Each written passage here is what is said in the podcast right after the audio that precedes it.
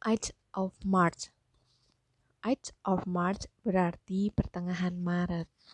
Kata Ides berasal dari bahasa Latin Ides yang digunakan secara luas dalam kalender Romawi untuk mengindikasikan hari pertengahan bulan. Istilah Ides digunakan untuk hari ke-15 bulan Maret, Mei, Juli, dan Oktober serta hari ke-13 pada bulan yang lain. Ides of March juga dikenal sebagai hari terbunuhnya Julius Caesar pada 44 sebelum Masehi. Caesar ditikam 23 kali oleh sekelompok pengkhianat yang dipimpin oleh Marcus Junius Brutus dan Gaius Cassius Longinus. Waktu menunjukkan pukul setengah satu saat aku kembali ke Albani, dan itu adalah usaha terakhirku. Pemandangan yang menyambutku masih sama seperti saat aku tinggalkan tadi. Kartu masih berserakan di atas meja, bersama gelas kosong dan asbak yang penuh dengan abu rokok. Jendela dibuka untuk membiarkan asap rokok keluar, tetapi justru menyebabkan kabut masuk ke ruangan. Raffles sendiri hanya mengganti jaket formalnya dengan salah satu blazer santainya. Namun, ia menaikkan sebelah alisnya kepadaku, seolah aku baru saja menyeretnya bangun dari tempat tidur. Melupakan sesuatu? Tanya Raffles saat ia melihatku berdiri di atas karpetnya. Tidak, jawabku berjalan melewati Raffles tanpa basa-basi. Aku pergi ke kamarnya dengan kekurangan ajaran yang membuat diriku sendiri terkejut. Kau bukan kembali untuk membalas dendam, kan? Karena aku takut aku tidak bisa memberikannya kepadamu saat ini. Aku menyesal yang lain. Raffles, tegasku. Kau mungkin terkejut melihatku kembali dengan cara seperti ini dan di malam selarut ini. Aku hampir tak mengenalimu. Sebelum malam ini, aku tidak pernah berada di kamarmu. Tapi, aku pernah menjadi juniormu di sekolah dan kau bilang kau mengingatku. Tentu saja itu bukan alasan. Tapi bisakah kau mendengarkan aku? Dua menit saja. Dalam kondisi emosiku yang kacau, aku harus berusaha keras menemukan kata-kata yang tepat. Namun, ekspresi wajah Raffles mendorongku untuk melanjutkan, dan biasanya Aku tidak pernah salah dalam menilai ekspresi orang. Tentu saja temanku yang baik, ujar Raffles. Selama yang kau inginkan, ambillah sebatang Sullivan dan duduk. Raffles menyodorkan kotak rokoknya kepadaku. Tidak, tegasku sambil menggelengkan kepala. Tidak, aku tidak mau merokok dan aku tidak mau duduk. Kau tidak akan menawarkan semua itu kepadaku jika kau mendengar apa yang harus kukatakan. Benarkah? Ujar Raffles, menyalakan rokoknya sendiri sambil menatapku dengan sebelah mata birunya yang jernih. Dari mana kau tahu? Karena kau mungkin akan langsung mengusirku, teriakku getir. Dan kau punya alasan kuat untuk melakukannya. Tapi tidak ada gunanya disembunyikan. Kau tahu aku berhutang lebih dari 200 pound? Raffles mengangguk. Tidak ada satu sen pun uang di sakuku. Aku ingat. Tapi aku membawa buku cekku dan aku memberikan cek pada setiap orang di meja judi itu tadi. Lalu, Tidak ada satupun cek itu yang bisa dicairkan, Raffles. Aku sudah tidak punya uang simpanan di bank. Tapi hanya untuk sementara kan? Tidak, aku sudah menghabiskan semua uangku. Tapi seseorang mengatakan kepadaku, kau sangat kaya. Aku dengar kau mendapatkan warisan. Memang, tiga tahun lalu. Warisan itu menjadi kutukanku. Sekarang semua warisanku sudah habis. Setiap sennya. Iya, aku memang bodoh. Tidak pernah ada dan tidak akan pernah ada orang yang sebodoh aku. Apakah pernyataan ini cukup untukmu? Mengapa kau tidak mengusirku? Raffles hanya berjalan mondar-mandir dengan tenang.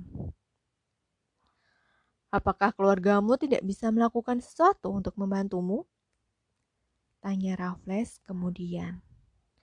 Syukurlah, cetusku. Aku tidak punya keluarga. Aku anak tunggal.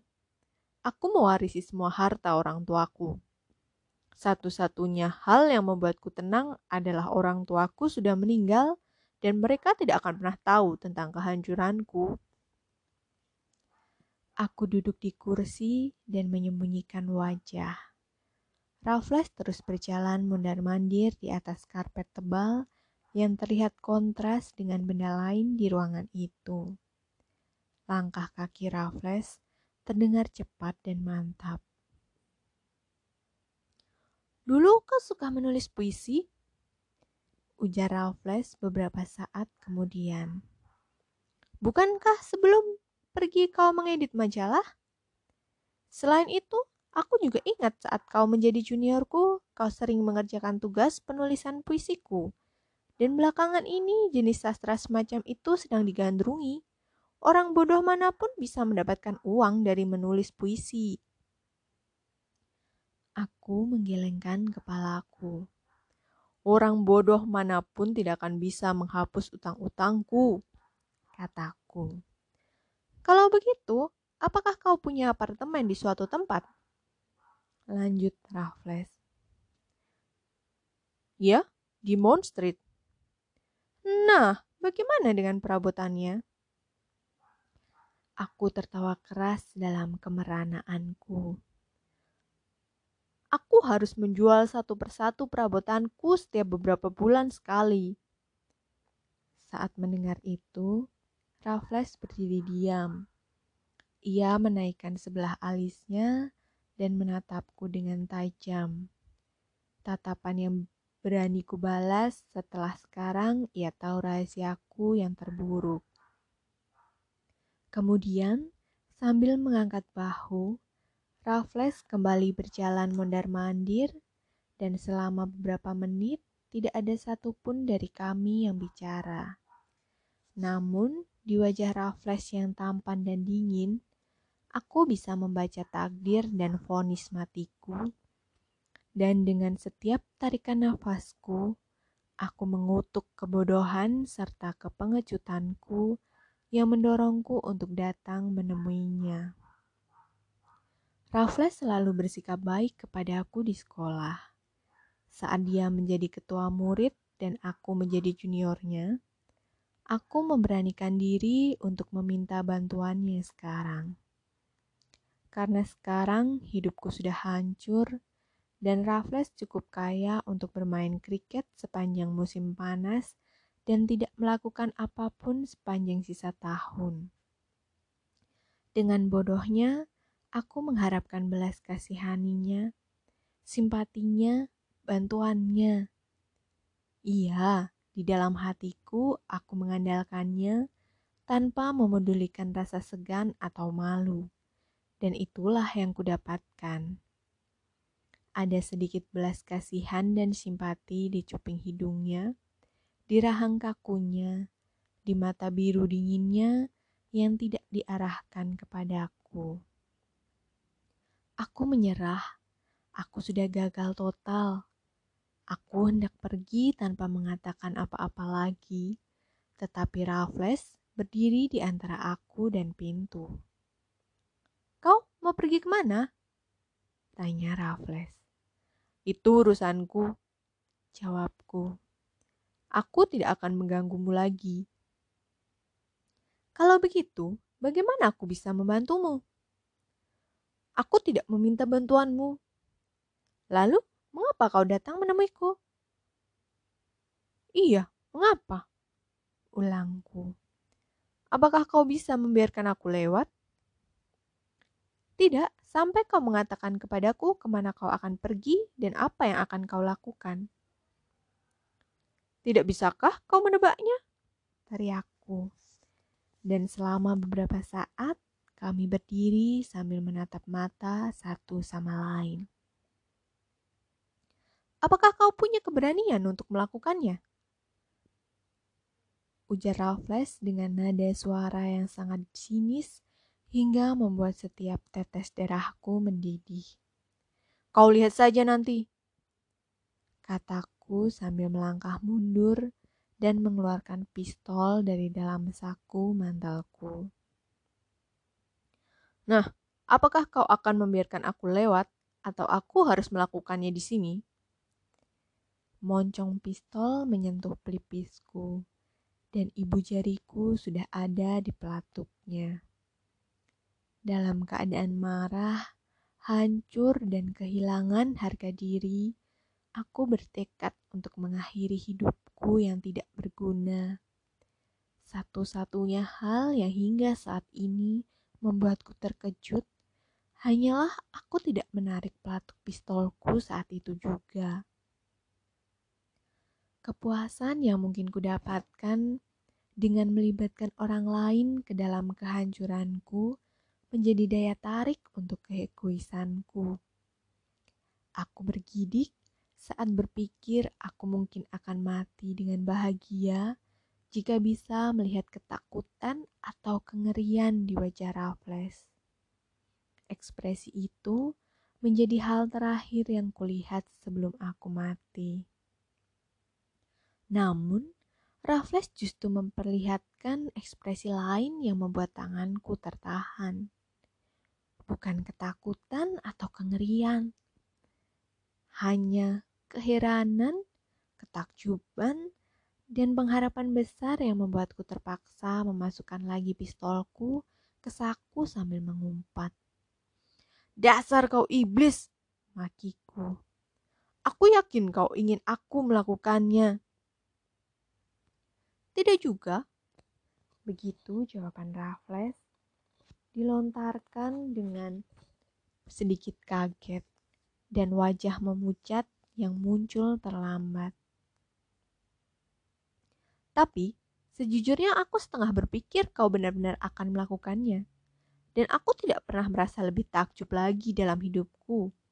Aku tidak pernah bermimpi kau memiliki pistol, Bani. Tidak, aku akan digantung jika membiarkanmu pergi sekarang. Dan sebaiknya kau tidak melakukan permainan itu lagi, karena yang kedua kalinya aku tidak akan berdiri dan hanya melihat saja. Kita harus memikirkan jalan keluar dari masalah ini.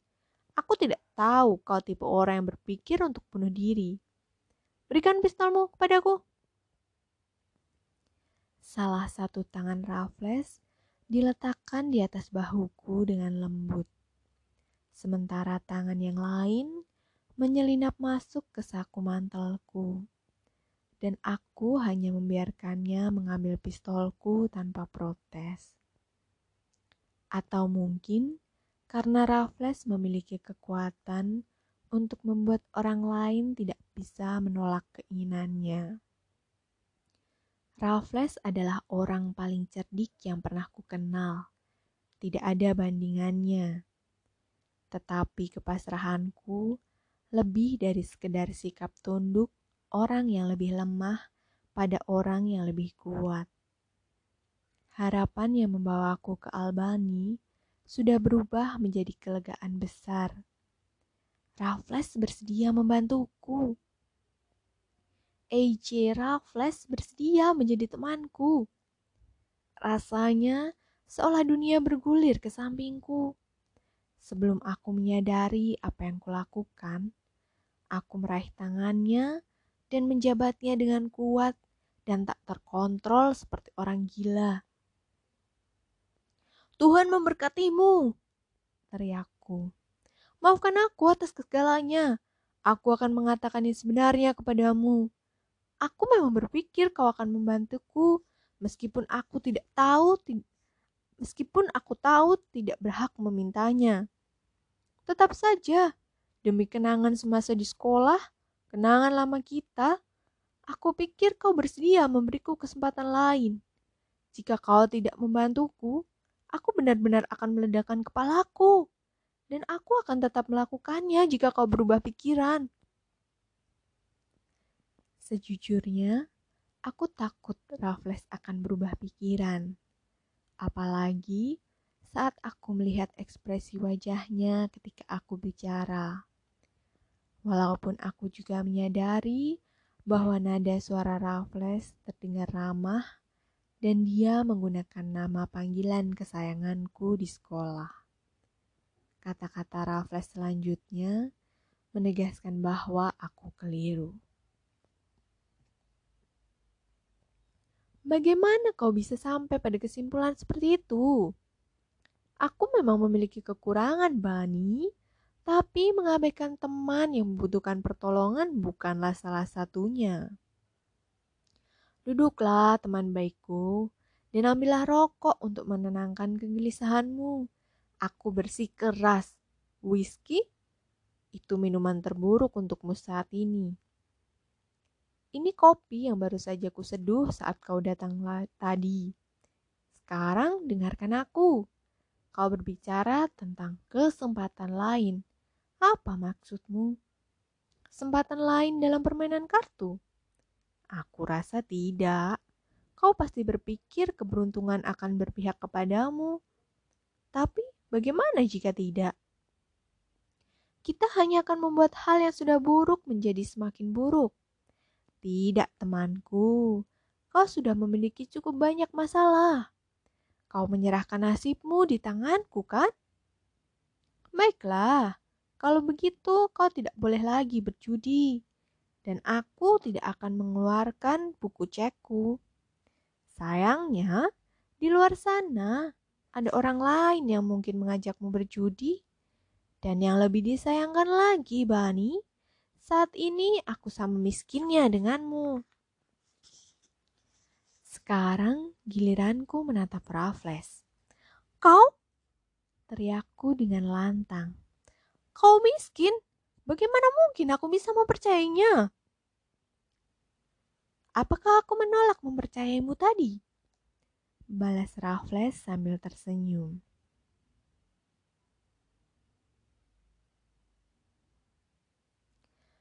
Dan dilihat dari pengalamanmu sendiri, apakah menurutmu hanya karena seorang pria memiliki kamar di tempat mewah ini, menjadi anggota satu atau dua klub, dan bermain judi sedikit, maka jumlah uangnya di bank harus banyak? Aku mengatakannya sebenarnya temanku, saat ini aku sama miskinnya denganmu. Yang ku punya untuk melanjutkan hidup hanyalah kecerdasanku. Tidak ada yang lain lagi. Malam ini aku juga butuh memenangi uang sepertimu. Kita berlayar di perahu yang sama, Bani. Sebaiknya kita saling membantu. Saling membantu, seruku. Aku akan melakukan apa pun di dunia ini untukmu, Raffles, kataku. Jika kau bersungguh-sungguh dengan perkataanmu bahwa kau akan membantuku. Pikirkan jalan keluar apa pun yang kau inginkan, dan aku akan melakukannya. Saat datang ke sini, aku sudah putus asa, dan sekarang aku juga sama putus asanya.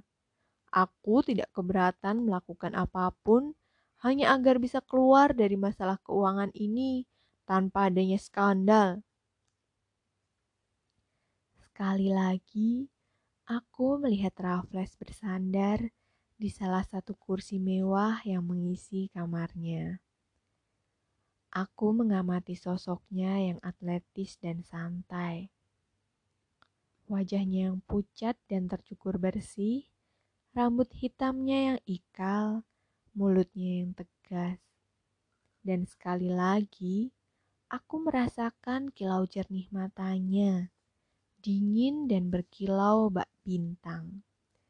Sinarnya seperti menembus otakku, menyingkirkan rahasia terdalam hatiku. Aku bertanya-tanya, apakah kau serius dengan yang kau katakan? Tanya Raffles kemudian. Kau mungkin serius dalam suasana hatimu yang sekarang. Tapi siapa yang menjamin suara hatimu tidak akan berubah? Meskipun begitu, masih ada harapan jika seorang pria menggunakan nada suara setegas itu. Setelah aku pikir-pikir lagi, di sekolah kau cukup cerdas. Seingatku, kau pernah membantuku menyelesaikan masalahku. Kau masih ingat, Bani? Well, tunggu sebentar. Mungkin aku bisa membantumu. Beri aku waktu untuk berpikir. Raffles bangun, menyalakan rokok dan berjalan mondar-mandir lagi. Tetapi kali ini dengan langkah yang lebih lambat dan hati-hati. Selain itu, Rentang waktunya juga lebih lama dibandingkan sebelumnya. Raffles berhenti dua kali di depan kursi, seperti hendak mengatakan sesuatu. Tetapi setiap kali ia hanya terdiam dan kembali berjalan mundar-mandir dalam kebisuan. Pernah sekali ia membuka jendela yang sebelumnya sudah ditutupnya dan berdiri di tengah kabut malam yang memenuhi halaman Albani. Sementara itu, jam dinding di atas perapian menunjuk ke angka satu, dan selama setengah jam berikutnya tidak ada kata-kata yang terlontar di antara kami. Selama setengah jam itu, aku tidak hanya duduk dengan sabar aku merasakan ketenangan yang ganjil. Tanpa sadar, aku sudah memindahkan bebanku ke bahu lebar teman yang luar biasa ini. Dan saat menit demi menit berlalu, pikiran serta mataku turut berkelana. Apartemen Raffles berukuran luas, dengan pintu lipat, perapian marmer, dan kesan muram dan kuno yang terasa aneh untuk ukuran kompleks apartemen mewah seperti Albani. Apartemen ini dilengkapi perabotan mewah dengan gabungan yang pas antara ketidakacuhan dan selera tinggi. Namun, yang membuatku paling terkejut adalah ketidakhadiran lambang dan tanda kebesaran tertentu yang menjadi ciri khas seorang rumah seorang pemain kriket. Aku justru melihat rak berisi tongkat pemukul yang sudah usang dan lemari buku besar yang penuh dengan bermacam buku. Di antaranya Love and Death dan The Place the Moselle dengan sampul yang sudah berdebu tetapi tidak ada satupun buku tentang klub kriket yang kutemukan. Jika melihat koleksi bukunya, orang akan menganggap Raffles adalah seorang pujangga dan bukannya atlet besar. Namun, memang selalu ada aura estetis dalam kepribadian, kepribadian Raffles yang kompleks. Terbukti dari buku-buku puisi yang sering kubersihkan di ruang belajarnya saat di sekolah dulu. Dan semua itu membuatku berpikir tentang sisi lain dirinya dan insiden kecil yang baru saja disinggungnya.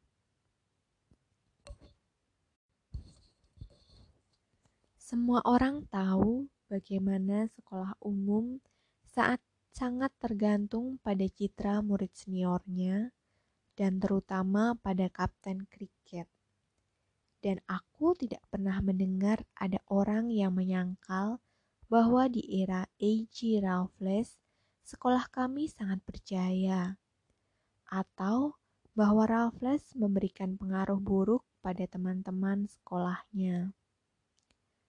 Namun, Menurut rumor yang beredar, Raffles memiliki kebiasaan berkeliaran di kota pada malam hari dengan membawa buku cek tebal dan memakai jenggot palsu. Itu hanya sekedar rumor dan tidak ada orang yang mempercayainya. Hanya aku yang tahu bahwa itu benar, karena setiap malam akulah yang menarik tali untuknya setelah semua penghuni asrama tidur dan tetap terjaga selama berjam-jam untuk menurunkan tali lagi saat mendapatkan sinyal darinya. Ya, tapi itu wajar saja untuk seorang yang memiliki ketenaran seperti Raffles. Keberanian yang mengagumkan dan jiwa liar Raffles digabungkan dengan sedikit kecerdasanku, berujung pada hasil yang tidak diinginkan dan tidak perlu lagi dikatakan insiden yang memalukan. Aku tidak bisa berpura-pura melupakan semua itu saat sedang mengharapkan belas kasihan pria itu dalam kondisiku yang sudah putus asa. Dan aku bertanya-tanya Apakah niat Raffles untuk membantuku didorong oleh fakta bahwa ia juga tidak melupakanku? Raffles berhenti mondar-mandir dan berdiri lagi di depan kursiku. Aku sedang berpikir tentang malam-malam saat kau membantuku menyelinap keluar dari asrama. Mulai Raffles. Mengapa kau terkejut? Aku juga sedang memikirkan hal yang sama. Raffles tersenyum, seolah ia bisa membaca pikiranku. Ya, dulu kau pengikutnya setia, Bani. Kau tidak kau tidak bicara dan kau tidak kenal takut. Kau tidak bertanya dan kau juga tidak pernah membongkar rahasiaku. Aku penasaran, apakah kau masih seperti itu? Aku tidak tahu. Jawabku masih sedikit bingung dengan nada suaranya. Aku membuat banyak sekali masalah dalam hidupku sendiri, hingga aku tidak lagi percaya kepada diriku seperti halnya orang tidak lagi mempercayaiku. Tapi seumur hidupku, aku tidak pernah mengkhianati teman. Aku berani menjamin itu. Tepat sekali ujar Raffles, mengangguk kepada dirinya sendiri, seolah itu menjadi sebuah pembuktian atas sebuah pemikiran yang tersembunyi. Seperti itu. Seperti itulah aku mengingatmu. Dan aku yakin kesetiaanmu sekarang masih sama kuatnya seperti 10 tahun lalu. Kita tidak berubah, Bani. Kita hanya berkembang. Aku rasa baik kau maupun aku tidak pernah berubah sejak kau menurunkan tali itu dan aku memanjatnya dengan kedua tanganku. Kau bersedia melakukan apa pun? Apa pun di dunia ini, teriakku bersemangat. Bahkan melakukan kejahatan? Tanya Raffles sambil tersenyum. Aku terdiam untuk berpikir karena nada suara Raffles sudah berubah, dan aku yakin ia hanya sedang mengujiku. Namun, mata Raffles terlihat sangat serius, dan aku bertekad untuk tidak mundur. Ya, bahkan melakukan kejahatan. Tegasku. Sebutkan saja kejahatan apa yang ingin kau lakukan. Aku akan mendukungmu. Sejenak, Raffles menatapku dengan takjub, lalu berubah menjadi keraguan. Kemudian, Raffles menepiskan pertanyaan itu dengan kibasan tangannya dan tawa sinis yang menjadi ciri khasnya. Kau teman yang baik, Bunny. Sungguh karakter yang unik. Satu saat kau ingin bunuh diri, dan di saat berikutnya kau bersedia melakukan kejahatan apa pun yang kuinginkan. Yang kau butuhkan hanyalah dorongan temanku, dan kau datang dengan tekad besar tanpa takut akan kehilangan reputasimu. Bagaimanapun juga, kita harus mendapatkan uang malam ini dengan cara halal ataupun haram. Malam ini, Raffles, semakin cepat akan semakin baik. Setiap jam setelah pukul 10 besok pagi berarti peningkatan resiko. Jika salah satu cek kosongmu dicairkan di bank, maka nama baikmu akan tercemar. Tidak, kita harus melakukannya malam ini dan membuka lagi rekeningmu besok pagi-pagi sekali. Dan sepertinya aku tahu apa yang bisa kita lakukan malam ini untuk mendapatkan uang. Pada pukul dua dini hari? Iya. Tapi bagaimana? Di mana kita bisa mendapatkan uang di waktu seperti ini? dari seorang temanku di Bond Street.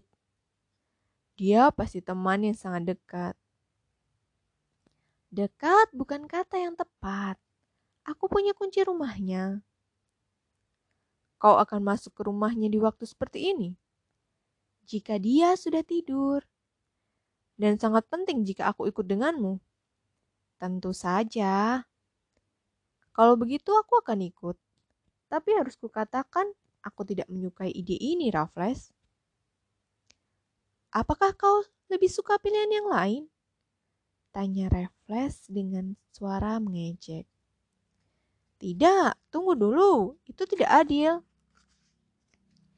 Seru Raffles meminta maaf dengan cepat. Aku mengerti, ini bukan persoalan mudah. Tapi tidak baik untukmu jika kau tetap di luar. Menurutku, kau harus menegak segelas minuman sebelum kita mulai. Segelas saja. Whiskinya ada di sana dan ini gelasnya. Aku akan mengambil mantelku selama kau minum. Ya, harus kukatakan, aku meminum whisky itu dengan senang hati karena rencana Raffles sama buruknya dengan whisky yang kuminum. Namun, harus kuakui bahwa begitu gelasku kosong, ketakutanku jauh berkurang. Saat Raffles bergabung lagi denganku, sudah memakai mantel tebal di atas blazernya dan topi yang diletakkannya secara asal di atas kepalanya. Ia menggeleng ketika aku menyodorkan botol whisky kepadanya. Nanti saat kita kembali, ujar Raffles. Kerja dulu, baru bersenang-senang kemudian. Apakah kau tahu hari apa sekarang? Tambah Raffles sambil menyobek kalender. Tanggal 15 Maret. Ides of March. Pertengahan Maret. Ingat? Nah, Bani, temanku, kau tidak akan melupakannya kan? Sambil tertawa, Raffles melemparkan batu bara ke api di perapian, lalu mematikan lampu seperti seorang pengurus rumah yang baik. Kami pergi saat jam di atas perapian menunjuk ke angka dua.